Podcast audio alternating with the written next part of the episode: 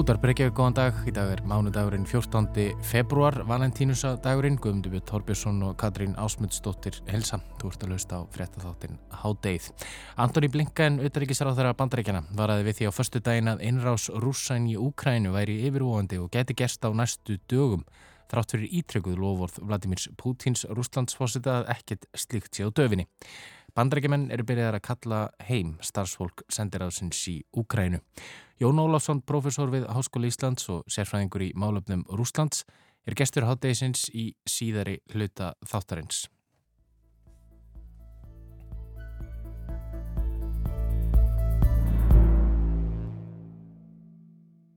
En við byrjum á allt öðru.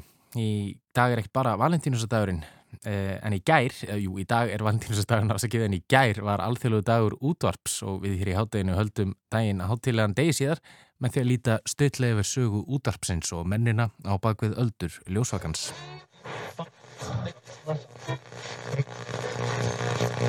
Tilurð útvarps á sér langan aðdraganda og spannar marga áratugja af uppfinningum, uppgötunum og tilrunastarðsemi margra manna sem hafðu sem betur fyrr áhuga á rafmagni, segulsviðum, útvarpsbylgjum og útsendingar aðferðum.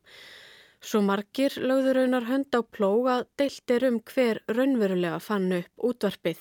Fyrst einhver tíman snemma á 19. öld uppgötuð einhverjir tenginguna millir rafmagns og segulmagns. Þá visku nýtti svo Heinrich Rudolf Hertz einhver tíman á nýjunda áratug 19. aldar þegar hann uppgötaði rafsegulbylgjur, útvarpsbylgjurnar þar á meðal.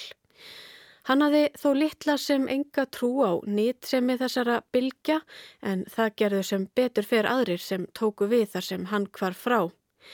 Eitt þeirra var ítalinn Guglielmo Marconi. Þótt margir hafi lagt hönd á pló er hann almennt sagður vera frumkvöðul útvarpsins eins og við þekkjum það og hafa lagt grunninn af þeirri bóðmiðlun og tjáskiptatækni sem við höfum yfir að ráða. Marconi þróaði fyrsta tæki sem gatt sendt upplýsingar eða miðlað bóðum langar vegalengdir með rafsegulbylgjum. Það er þráðlausar loftskeitasendingar. Hann byggði uppfinningu sína á því að eitt hvert tæki geti tekið á móti útvarpsbylgjum sem menn höfðu framkallað. Lífshlaup Markónis er áhugavert. Sagt er að hann hafi aðeins verið tvítugur þegar hann fór að baksa við tilraunir með útvörp, útsendingar og útvarpsbylgjur á háaloftinu heima hjá fóreldrum sínum. Hann hafi ynga sérmentun en nöyt digrar aðstóðar Britans á heimilinu. Tilraunastar sem er hans bar góðan árangur og hann sendi ítölskum yfirveldum bref þar sem hann kynnti niðurstöður sínar og óskaði fjárstuðnings. Þau hafði annarkvört ekki áhuga á slíku eða litla trú á unga manninum og hann fekk aldrei svar við erindi sínu. Síðar kom í ljósað fjarskiptaráð þegar hann hafði skrifað berist til Longara á brefið og átti þar við geðveikra hæli með því nafni. Marconi hjælt á til Breitlands og þar var honum tekið fagnandi og hann fekk enga leifi á uppfinningum sínum aðeins 22 ára gamall. Velgengni hans hjælt áfram og árið 1909 fekk hann Nobelsvellunin í eðlisfræði.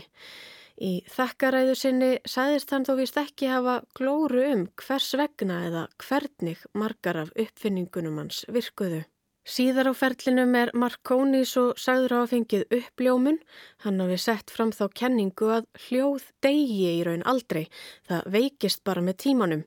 Það sé ávalt þarna einhver staðar úti. Það þurfi bara að finna það með réttu græjunni. Hann var heldtekin af að reyna að hafa uppi á fjallaræðu Krist sá einhverju útvarpsbylgjunni til að geta hlýtt á boðberan sjálfan Jésu Krist flytja ræðuna frægu. Og uppljómunin var ekki það eina sem var nýtt fyrir Marconi. Á setni hluta æfinar fann hann sig í boðskap fasista, gekk í raðir þeirra í heimalandinu og þjónaði undir stjórn einræðisherrans Benitos Mussolini. Svo eftir átta hjarta áföll á þremur árum var það nýjunda honum að bana þann 20. júli 1937. Marconi var þá 63 ára.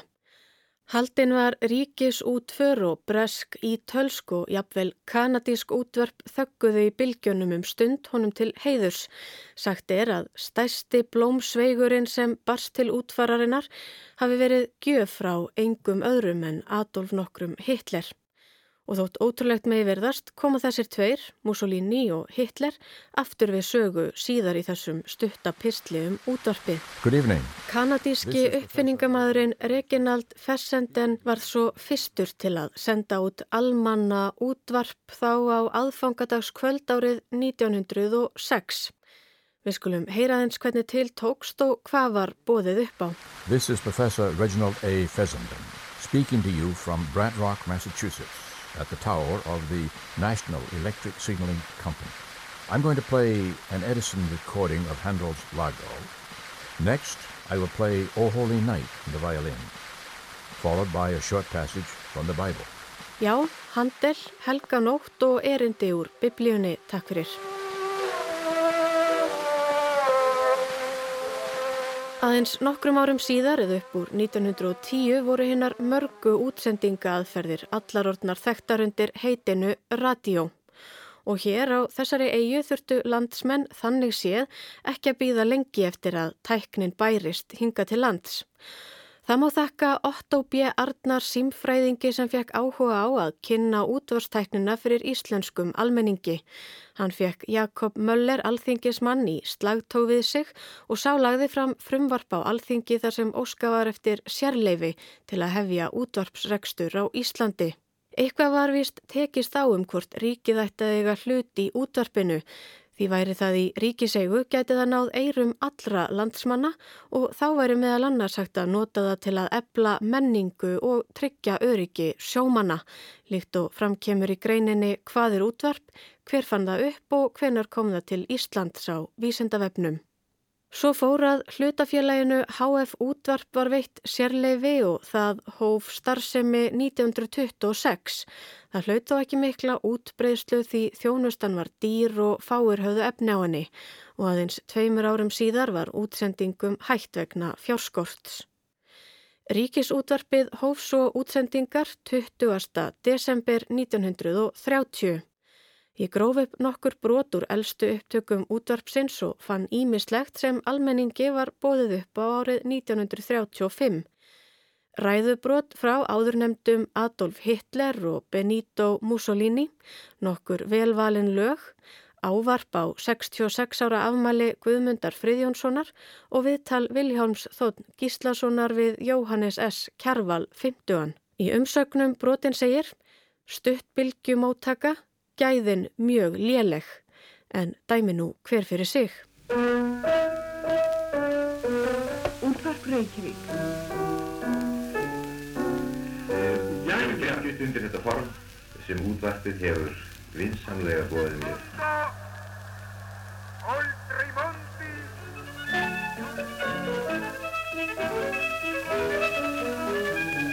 Ég var svo hrifin af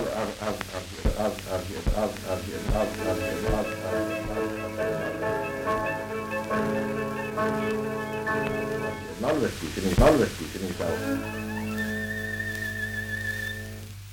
Gamla gufan sem fekk það heiti þegar sjónvarpið kom til sögunar þótti gamaldags græja í samanburði við nýjungina Hún hefur þó haldið sinni stöðu í gegnum tíðina og lifir enn nokkuð góðu lífi miða við allt og allt sem á hefur gengið.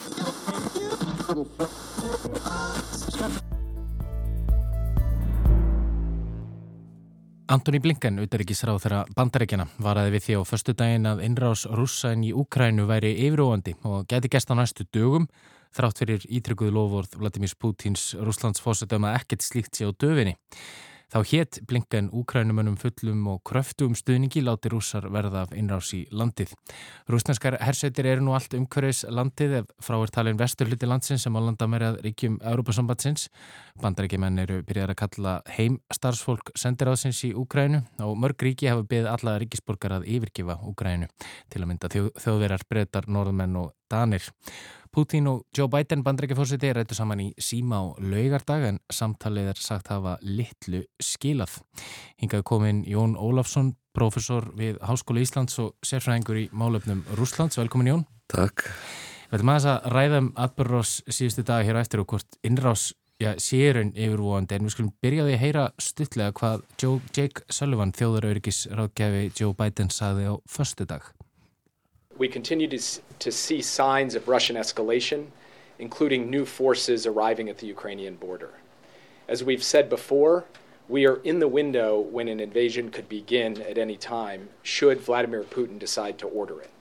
I will not comment on the details of our intelligence information, but I do want to be clear. It could begin during the Olympics, uh, despite a lot of speculation uh, that it would only happen after the Olympics.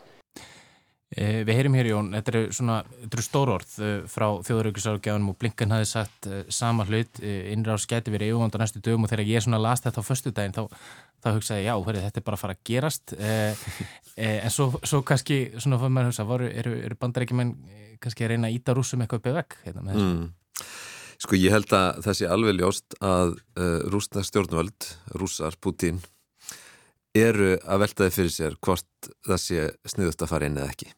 Það er engin spurning. Þetta er ekki þannig að þeir siti bara þarna og hafi aldrei ætlað sér að gera neitt og séu bara svona aðeins að testa eitthvað niklaðaðan eins og ég sagt. Mm -hmm. menn, eru, menn sitja og eru að velta fyrir sér alvarlega eigum við að ráðast að þennið ekki og, og, og þá ef uh, svo ákverðun verður tekinn að gera það að þá er spurningin á hvaða fórsendum verður það og ég held að, að margt af því sem við erum að sjá er emitt hérna, svona kast fram og tilbaka þar sem að bandaríkjaman er í rauninni að, að gera uh, rúsum það erfiðara að finna þetta yfirskinn. Það er búið að vera eins og hann segir, sko, hann talar um ákveðin glugga, uh, menn gera ráð fyrir því að, að ef að þetta gerist ekki núna í næstu viku þá farið að draga úr líkum á því aftur af ýmsum ástæðum meðal annars bara tíðarfari, vorkomu og öðru slíku mm -hmm.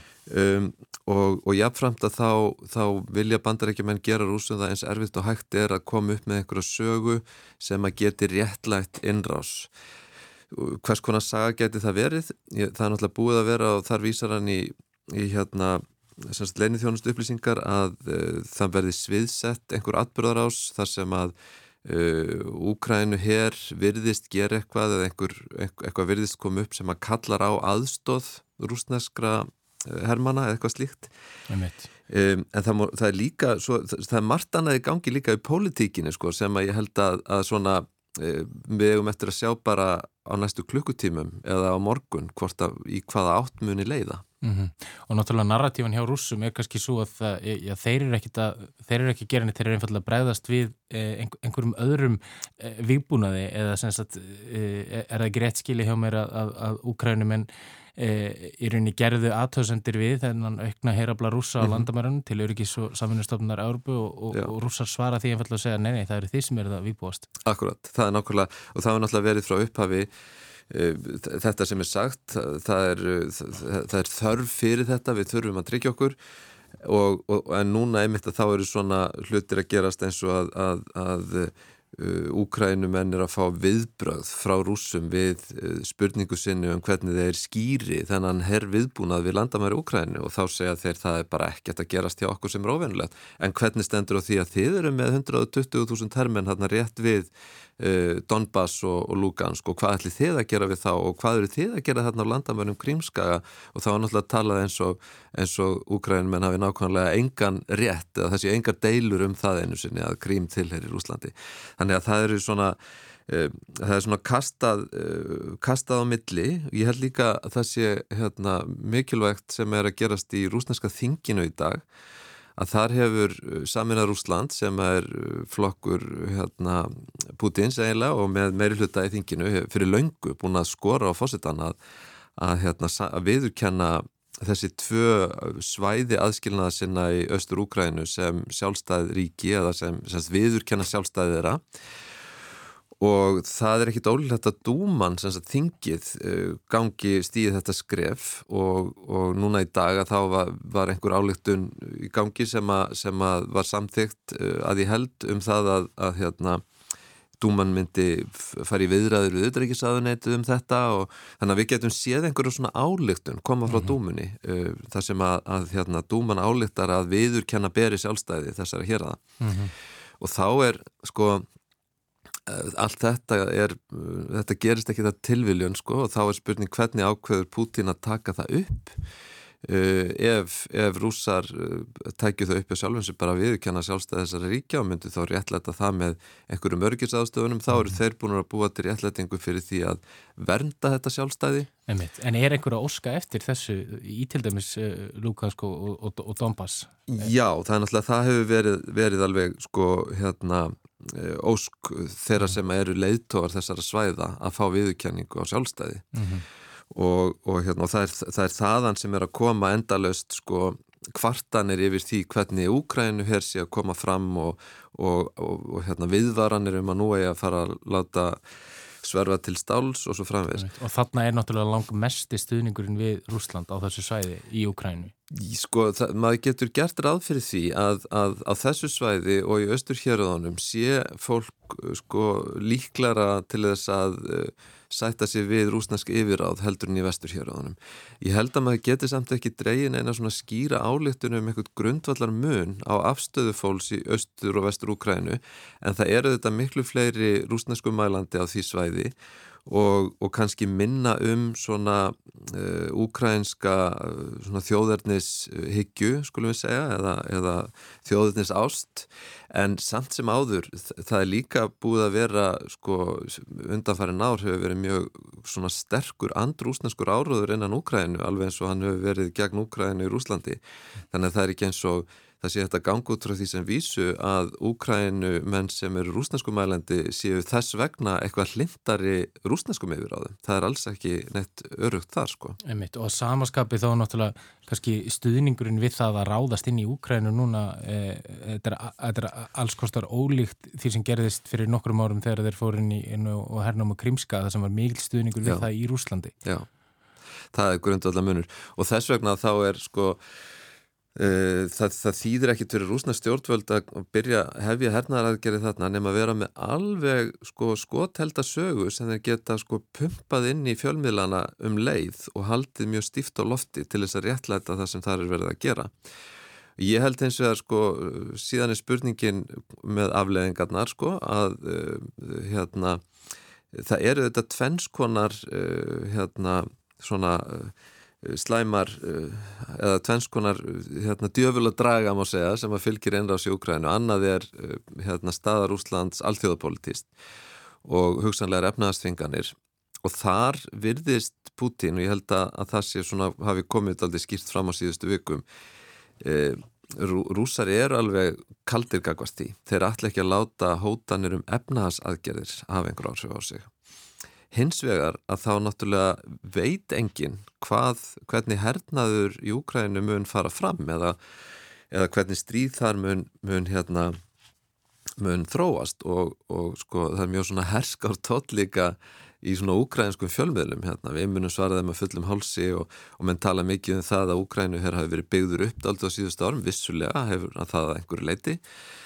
en sko það er ekkit það er það, það, hérna, svo hætta að vera að fara út í harda bardaga mannfall og ég veit ekki hvað og hvað það er eitthvað sem er held ég miklu starri uh, hættu áhættu faktor fyrir rúsa heldur eða sem er meta heldur en uh, efnahagstvinganir frá Vesturlandu Einmitt, einmitt, en svo er náttúrulega líka og kannski, það er kannski líka stærri narratífa í þessu, er að þetta er náttúrulega aldrei bara stríðum mellir Rúslands og Ukrænu heldur, heldur myndu NATO-ríkin þarna koma inn og eru búin að segja það og bandrækjafórsett er búin að segja það þeir munu, munu stiðja Ukrænum en þá eru við alltaf inn að tala um eh, NATO versus Rúsland Einmitt, ég, það er ekki hægt að útiloka þannig stigmögnun að, að við séum bara fljóðlega farin að sjá sko vestræna eh, hernaðar hérna, beina hernaðaraðstóð í slíkum átökum sko. þannig að já, það, það eru þetta bara sko, það getur enginn gengið útráðið sem vísu að NATO mun ekki dragast inn í þetta stríð ef það hefst, mm -hmm. hvað sem fólk segir nú og, og hérna en sko En hvernig horfur þetta við þér, sko eins og núna þetta er náttúrulega hlutinni gerast hratt uh, uh, Vladimir Zelenski fórsett í Ukrænu hann, hann fundar með Olof Scholz kanslara Þískalands í dag, mm -hmm. Scholz á svo fund með, með Putin á morgun. Uh, hvað telur að gerist? Ég bara næstu, næstu klukkutími næstu dögum. Er Sko það er endar eitt sem að kom frá Lavrov bara, Sergei Lavrov, rúsneska utanrikiðsáður núna bara í dag sem að var svona jákvæðu tótn hafi verið í sambandi við skrifleg svör bandaríkjamanna við kröfum rúsa að Lavrov segir að það sé sínist að það sé hægt að vinna með hluta af því, því sem þar kemur fram. Og það er svona það, kannski það fyrsta sem maður hefur séð undanfarið frá rúsum sem að bendir til þess að, að það sé, þeir vilji gefa slög, slaka yfirlýsingar sko. Um, hins vegar sko þá er, þá er uh, staða kannski þessi sko af því að hann talaði þarna Sölívan í klippinu sem hann spilaði um sko gluggan mm -hmm. og það eru allir að horfa þennan glugga sem er þessi vika og þannig að, að rússar vita þá sko vel líka ef að þeir býða fram yfir þessa viku þá er, þá er svona farið að, að, að það er ekki að þeir, þeir færu inn núna ef þeir ætla að gera það mm -hmm.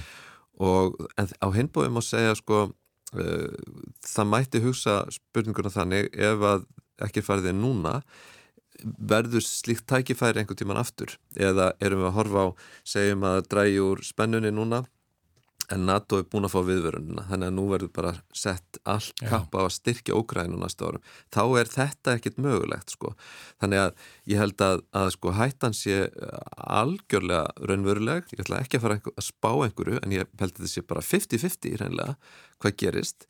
Um, en við hefum eftir að sjá það bara mjög fljótt í dag og morgun, miðugudaginn uh, hvort að þetta er að fara að gerast sko. og, og ég segi sko þegar umlega kemur eitthvað svona frá Lavrov já ég held að, að hérna, í þessu svari séu hlutir sem, a, sem að eru uh, jákvæði fyrir okkur. Þá er það strax mjög stórt svona skrefi átt að því að, að, að draga það álittun að kannski séu menn að tilbúnar að fara að spinna sér niður.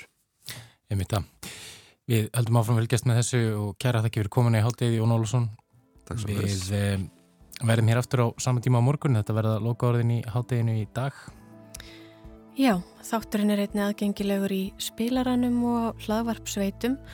Og þá er þetta að senda okkur post með ábendingum á netfangið háttegið at rúf.is eða háttegið hjá rúf.is verið sæl